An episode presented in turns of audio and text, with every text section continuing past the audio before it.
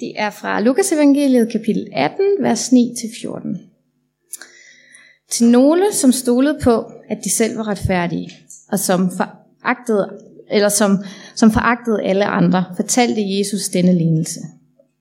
To mænd gik op til templet for at bide.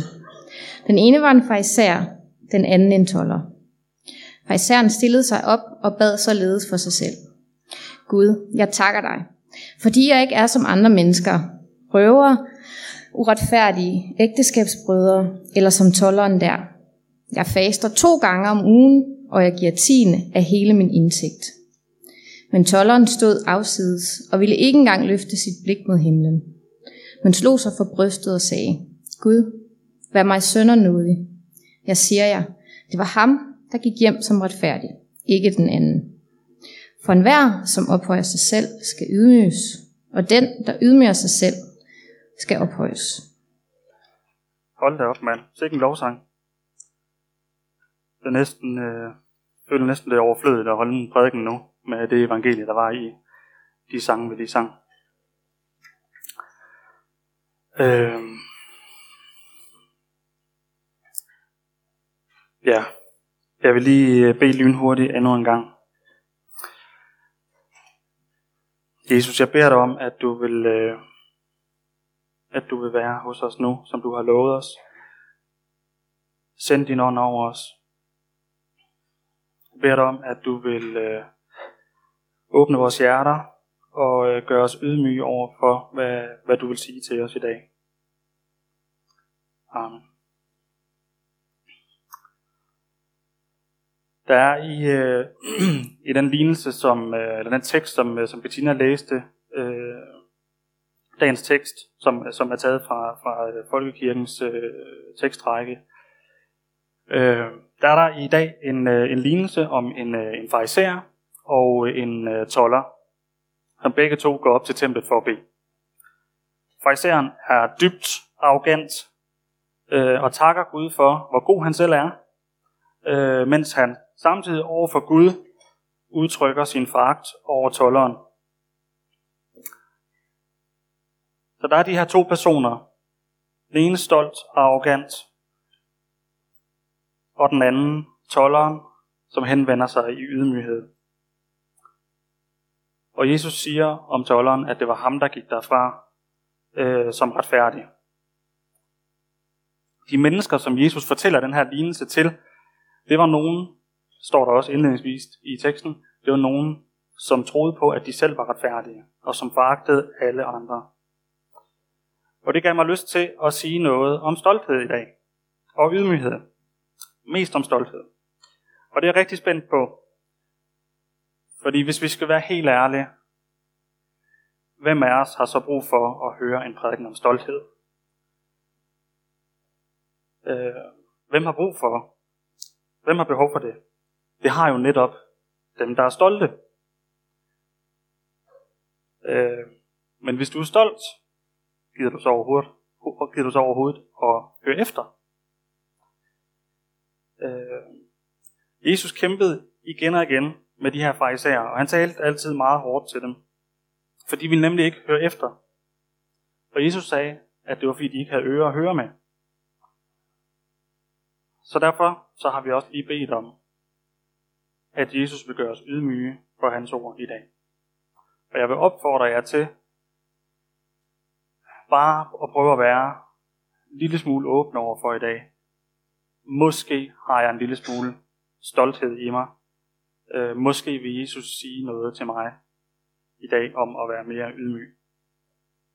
For jeg vil gerne prøve at være lidt direkte, og derfor så har jeg taget rigtig mange bibeltekster med, som jeg kan læne mig op af. Det håber jeg, I kan holde ud. Øh, vi kommer hele vejen rundt i Bibelen, ligesom vi faktisk har været gennem lovsangen, hvor vi både har været øh, i salmernes bog, og vi har været i Johannes åbenbaring. Så kommer vi også helt fra start til slut af Bibelen rundt i dag. Øh, I forhold til øh, temaet, så er der ups, fire ting, som øh, jeg har lyst til at sige noget om, øh, som lægger mig rigtig meget på sinde at sige noget om. Man kunne sagtens have holdt en hel prædiken om dem hver især. Derfor så bliver det sådan lidt komprimeret og kompakt.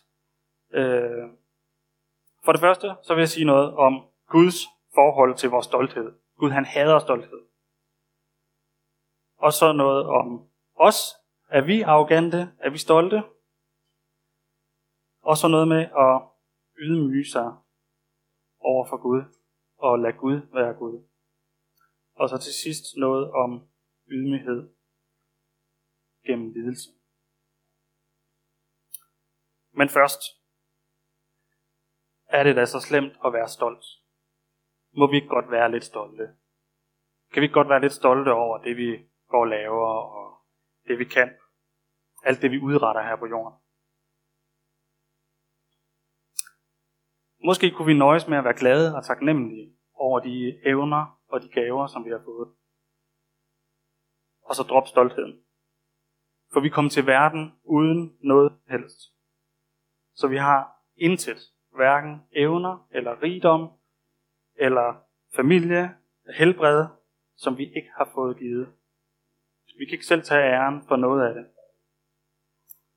Og Paulus beder også, men giv det aldrig måske for mig, at jeg er stolt af andet end af vor Herre Jesu Kristi kors. Så Paulus er bevidst om faren ved at være stolt.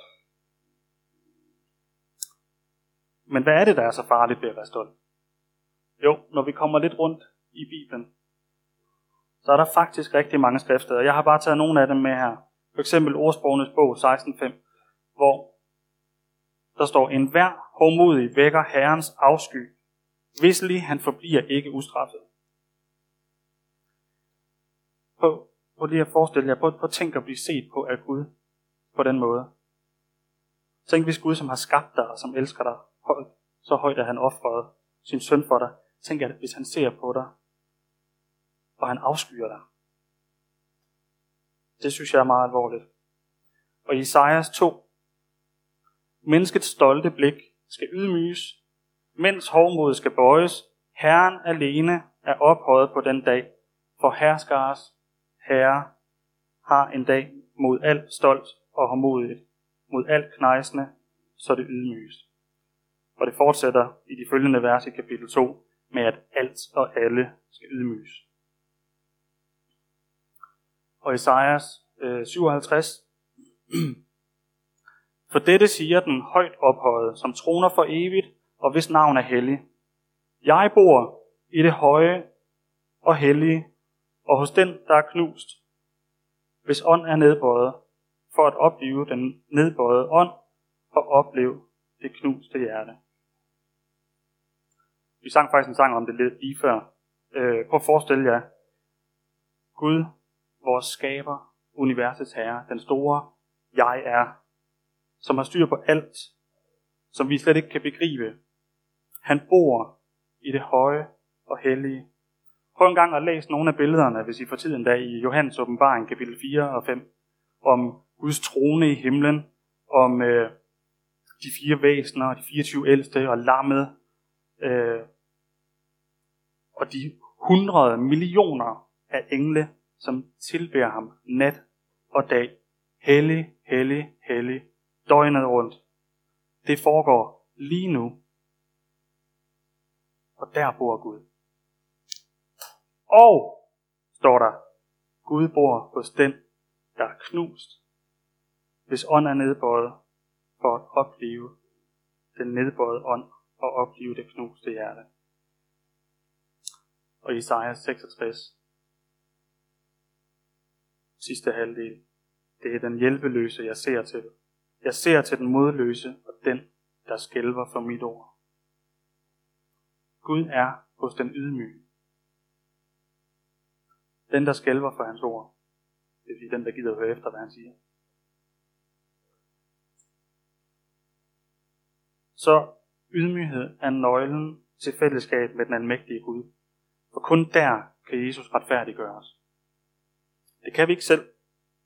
Og vores stolthed vækker hans afsky. Gud modsætter sig de stolte og viser noget mod den ydmyge. Så enkelt er det. Gud hader stoltheden. Gud hader al synd, men vores stolthed afskærer os fra ham og fra at han kan hjælpe os. Derfor er den så stor et problem. Jeg stødte på det her C.S. Lewis øh, citat, øh, som forklarer problemet ret logisk. En stolt mand ser altid ned på ting og mennesker. Og selvfølgelig, så længe du kun kigger ned, kan du ikke se, hvad der er over dig.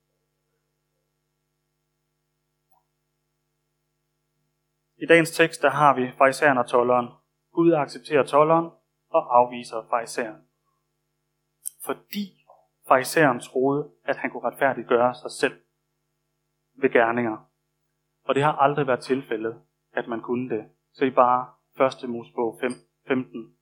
Abraham troede Herren, og han regnede ham det til retfærdighed. Men stoltheden kan komme til at stå i vejen mellem Gud og os.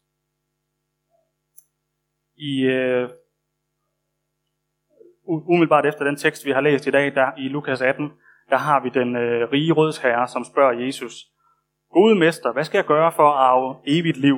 Og Jesus svarer ham, hold budene. Og manden svarer, det gør jeg allerede. Det har jeg gjort hele mit liv. Og Jesus gennemskuer hans selvsikkerhed. Så han prøver at trykke ham lidt på, øh, på pengebogen. Fordi der er nok, det er nok ikke ret mange af os, der kan sige os helt fri fra måske at vende lidt stolthed op på vores økonomiske velstand. Og Jesus siger, giv det hele væk. Så har du en skat i himlen, og kom og følg mig.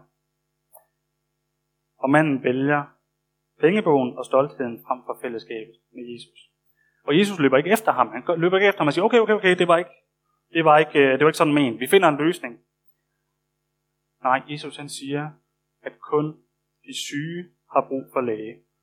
Dem, der tror, de er raske, de kommer ikke til lægen.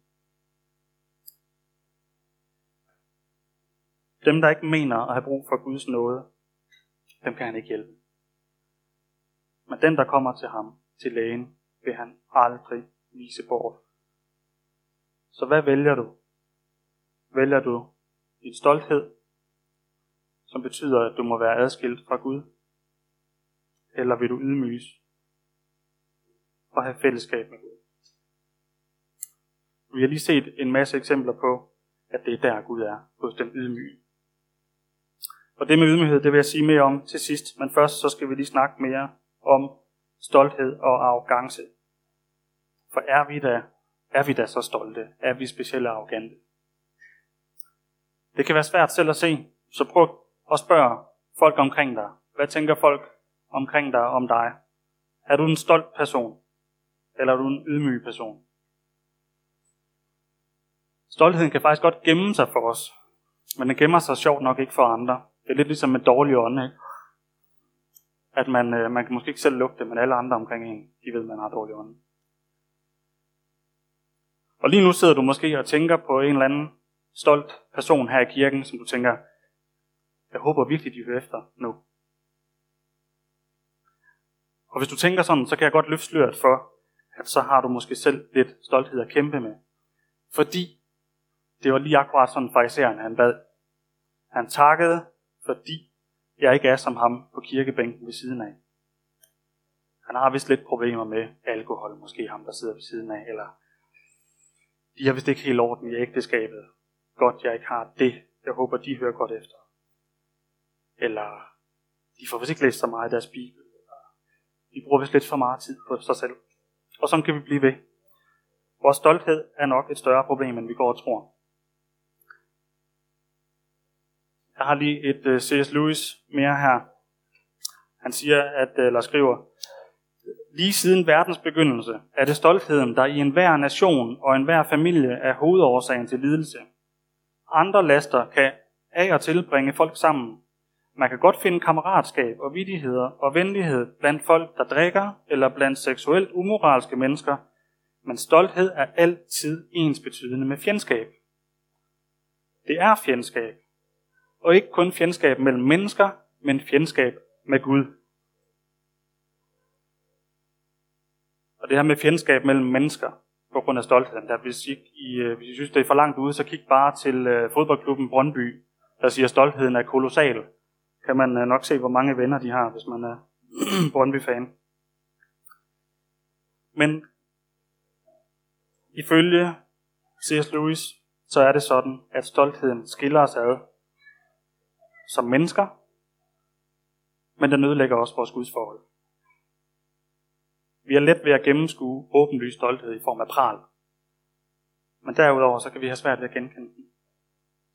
Jeg hørte forleden en, øh, en prædiken af en amerikansk præst, øh, som hedder Francis Chan, hvor han kommer med nogle meget konkrete eksempler på, øh, på stolthed, som, som jeg ikke selv havde, øh, havde tænkt ret meget over.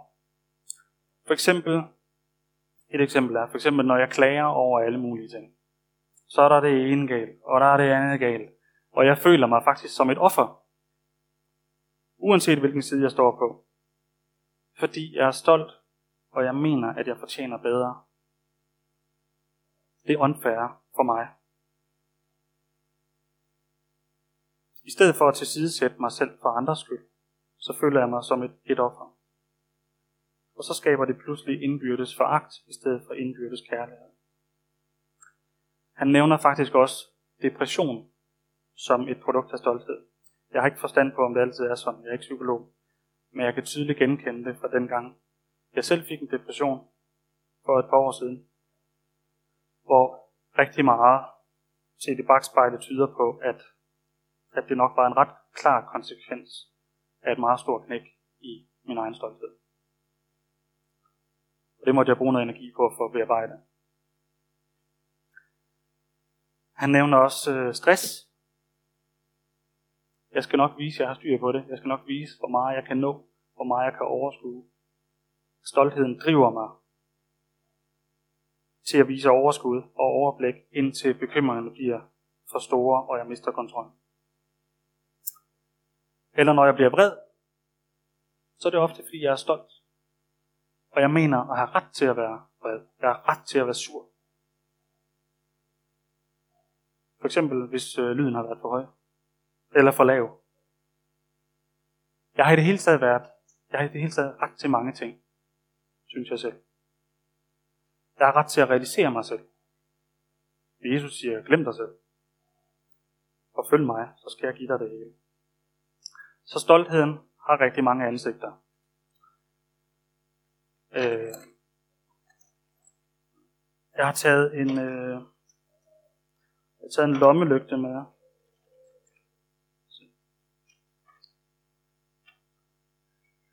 En lommelygte, den kan man, der er ikke så mørkt herinde, det virker faktisk overhovedet ikke. Man kan ikke se nogen lyskejle nogen steder, men den er skarp nok, ikke Emil? Ja. Men lommelygten, den kan bruges til at sætte fokus på ting. Og øh, Gud ønsker, at jeg skal bruge mit liv på at sætte fokus på korset, på Jesus. Jeg har faktisk håbet på, at man kunne se lyskejlen. Det kan man faktisk ikke. Jeg må gerne nyde livet. Jeg må gerne glæde mig over min medgang, hvis jeg har det. Jeg må gerne glæde mig over de ting, jeg har fået her i livet, som jeg kan nyde. Så længe jeg bare bruger det på at pege hen på Jesus, hen på korset.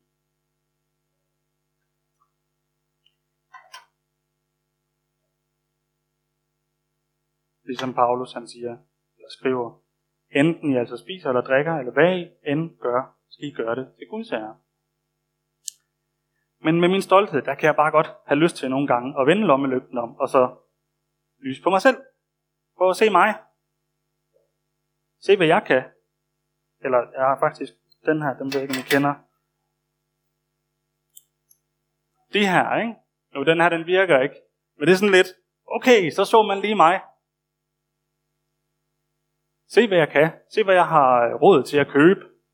Eller hvor jeg har råd til at rejse hen, eller hvad for en bil jeg har, eller hvad for et job jeg har. Prøv lige at se mig en gang, og så op på Instagram eller på Facebook med det.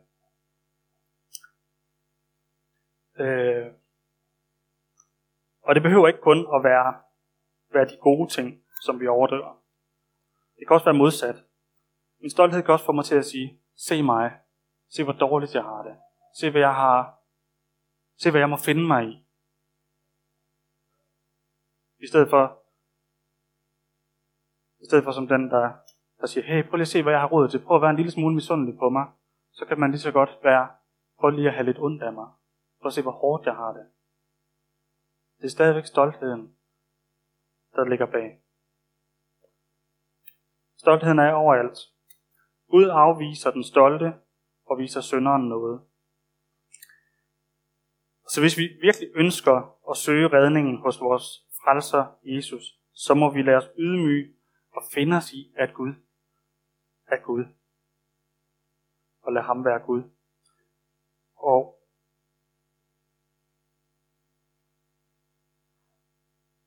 det er det tredje, jeg vil sige noget om. For hvornår er Gud øverst i dit liv? Det er han først, når du erkender, at han er Gud. Har du nogensinde prøvet at adlyde Gud, selvom du er uenig med ham?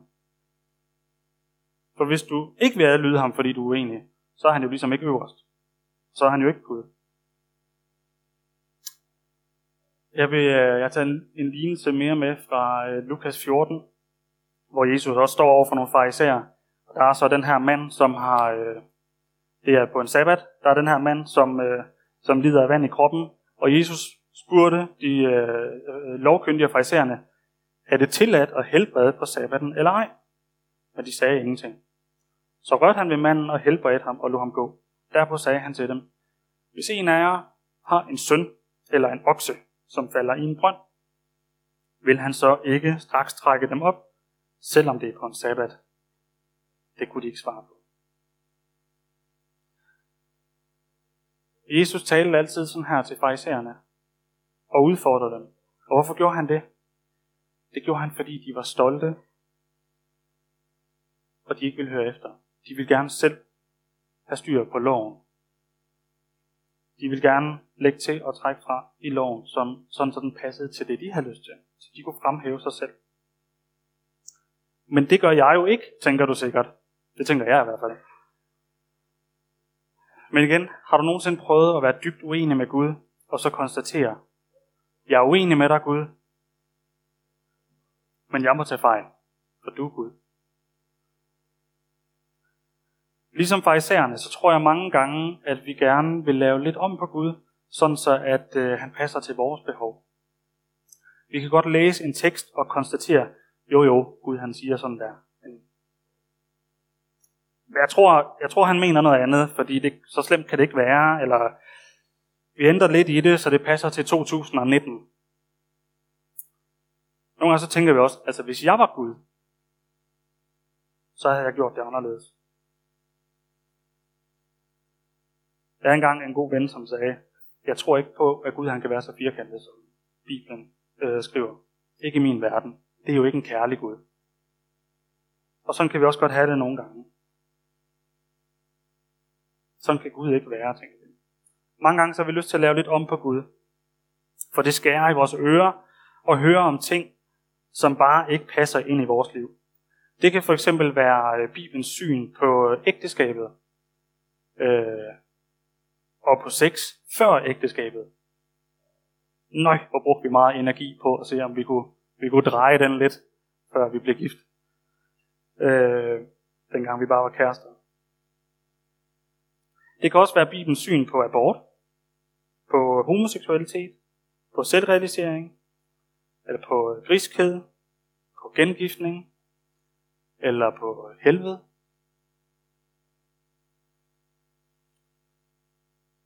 Tag for eksempel øh, bare en lille detalje her, lidt apropos øh, det, den undervisning, vi havde i går. Tag for eksempel øh, Efeserne 5.25, hvor Paulus skriver, Mænd, el, elsk jeres hustruer, ligesom Kristus har elsket kirken og givet sig hen for den.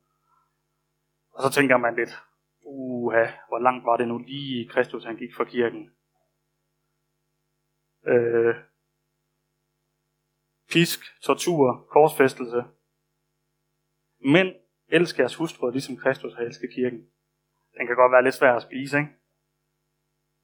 Tænker lidt, okay, altså Gud har overhovedet mødt min kone.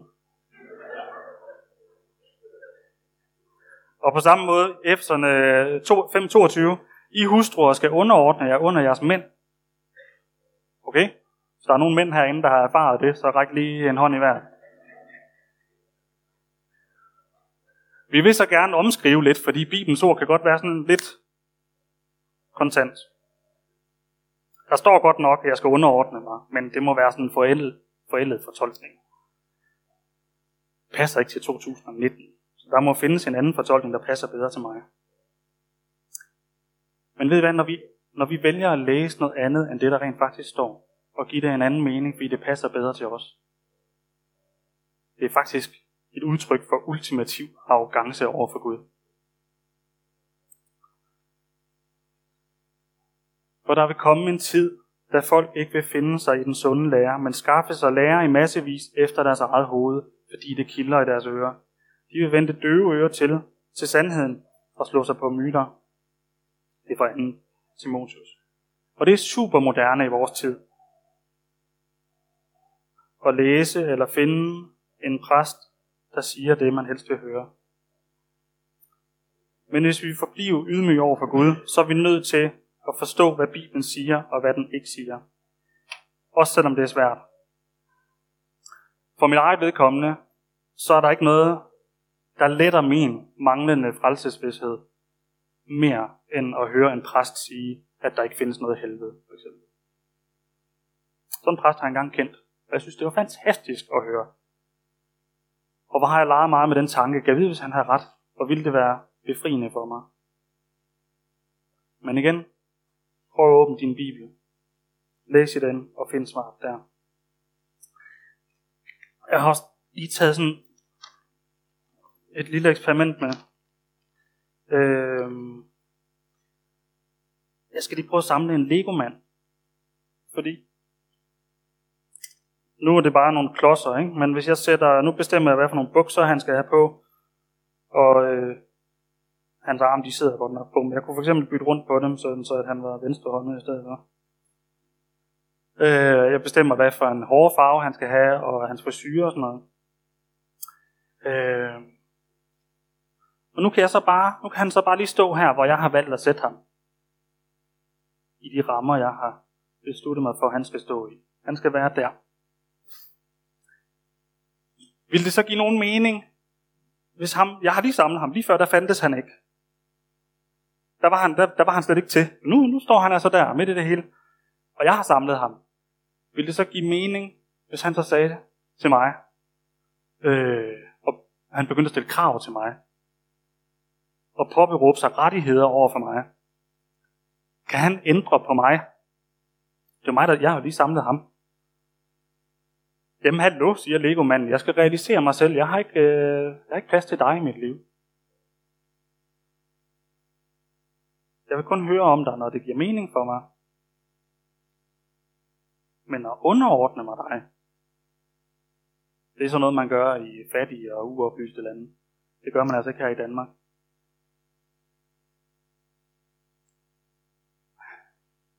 Men hvad vil vi helst? Og jeg brugte en masse eksempler fra Bibelen på at argumentere for, at stolthed adskiller os fra Gud, mens ydmygheden åbner op for, at han kan tage bolig i vores hjerter. Ydmyghed, det er det sidste, jeg vil sige noget om. Og jeg fandt ud af, at det er faktisk ikke nemt at sige noget særligt rart om.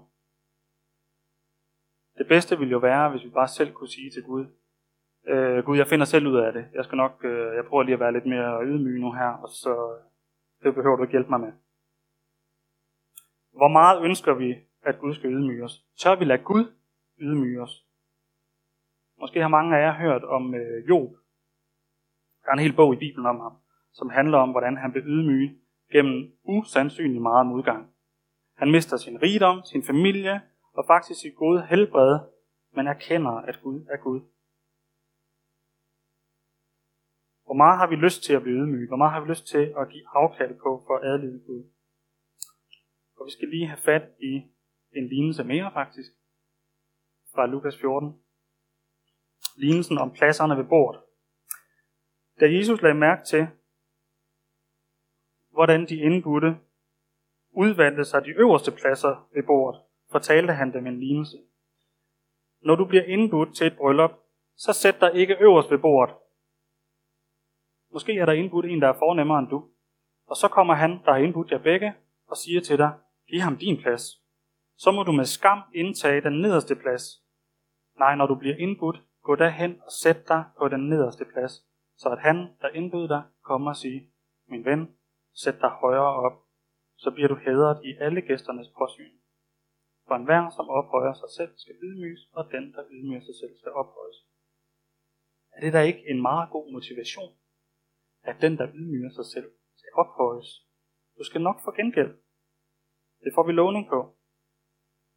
Jesus fortæller det til fejserne, fordi at fejserne gerne vil have æren. Ligesom farisæerne i dagens tekst. Og i lignelsen her bliver personen, som søgte efter æren, ydmyget, og endda ydmyget foran alle gæsterne, alle de andre. Øh. Men Jesus ydmyger Er du typen, der stræber efter den ærefulde plads, eller er du typen, der stræber efter at tjene de andre? Er du ham fra lignelsen, der søger den laveste og mest ydmyge plads? kommer jeg lige med et meget, meget konkret eksempel. Måske lige lovligt lavpraktisk, men jeg gør det alligevel.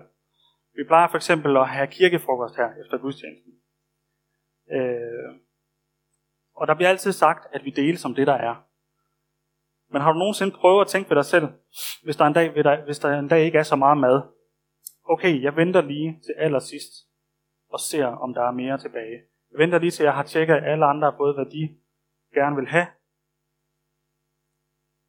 og så kan jeg se, om der er noget til mig. Kunne I finde på det? Altså ligger det naturligt for jer? Det gør det altså ikke for mig. Men, men det ligger ikke altid naturligt for os at vente til allersidst. Og hvad hvis nu du har stået derhjemme og lavet noget mega lækkert, der bare bliver ribbet? Sådan der, så du ikke når at få noget af det selv. Kan man så bare stå og, stå til, og, og se til fra siden af? Jeg ved godt, det er lige lovligt konkret, men jeg synes bare, det er et spændende eksempel. Øh, for ligesom jeg helt i starten sagde, at stoltheden har mange ansigter, så er der også rigtig mange helt konkrete situationer, hvor vi kan vise hinanden ydmyghed.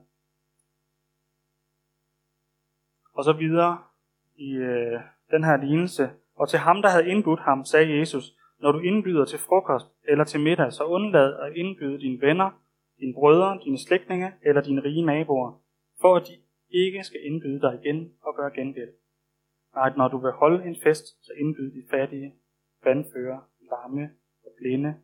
Der skal du være salig, for de har ikke noget at give dig til gengæld.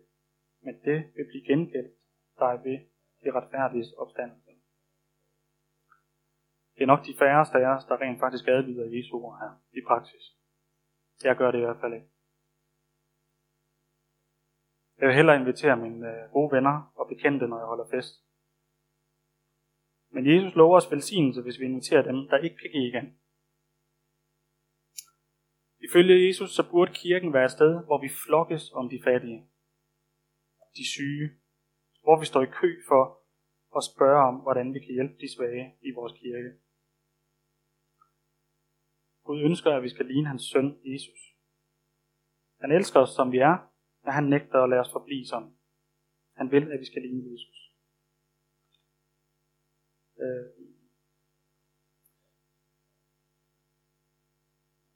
det var ikke så længe inden jeg er færdig. Et øh, af de for mig mest overraskende skriftsteder, jeg læste, øh, eller jeg havde fat i under min forberedelse her, omkring ydmygelse, det var fra Hebræerne 5. Mens han levede på jorden, opsendte han under høje råb, altså Jesus, og tårer, bønder og anråbelser til ham, som kunne frelse ham fra døden og han blev bønhørt for sin gudsfrygt. Skønt han var søn, måtte han lære lydighed af det, han led, og da han havde nået målet, blev han årsag til evig frelse for alle dem, som adlyder ham. Jesus havde gudsfrygt. Det har jeg aldrig tænkt på før. Jesus havde gudsfrygt, og skønt han var søn, måtte han lære lydighed af det, han led. Selv Jesus lærte lydighed gennem lidelse. Han blev ydmyget gennem lidelse. Så kan vi forestille os, at vi som mennesker kan slippe for lidelse, hvis vi vil være ydmyge over for Gud og over for mennesker. Vi kommer aldrig til at blive ydmyge mennesker gennem fokus på personlig succes og selvrealisering. Aldrig. Og derfor skriver Paulus også i sin breve, at han glæder sig over de lidelser, han bliver udsat for, på grund af det langt større at kende Kristus. Jeg har brugt rigtig mange eksempler i dag på at dokumentere Guds syn på stolthed og ydmyghed. og der findes rigtig mange endnu, men jeg vil stoppe her.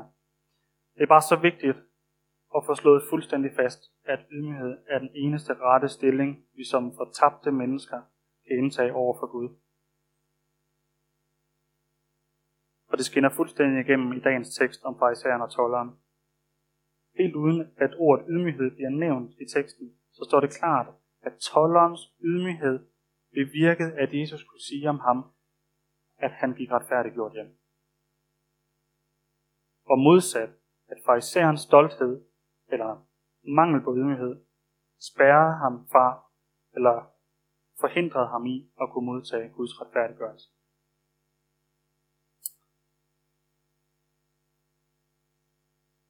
Vi har brug for at være ydmyge. Verden omkring os har brug for, at vi er ydmyge. Menighedsfællesskabet her har brug for, at vi er ydmyge. Bibelen opfordrer os masser af gange til at vise hinanden indbyrdes kærlighed. Også her i menigheden. At vi kappes om at vise hinanden agtelse. At vi er hinandens tjenere. Øh, ligesom Jesus vaskede møgbeskidte og ildelukkende fødder på sine disciple, så må vi tjene hinanden. Også selvom det ikke altid er lige fedt.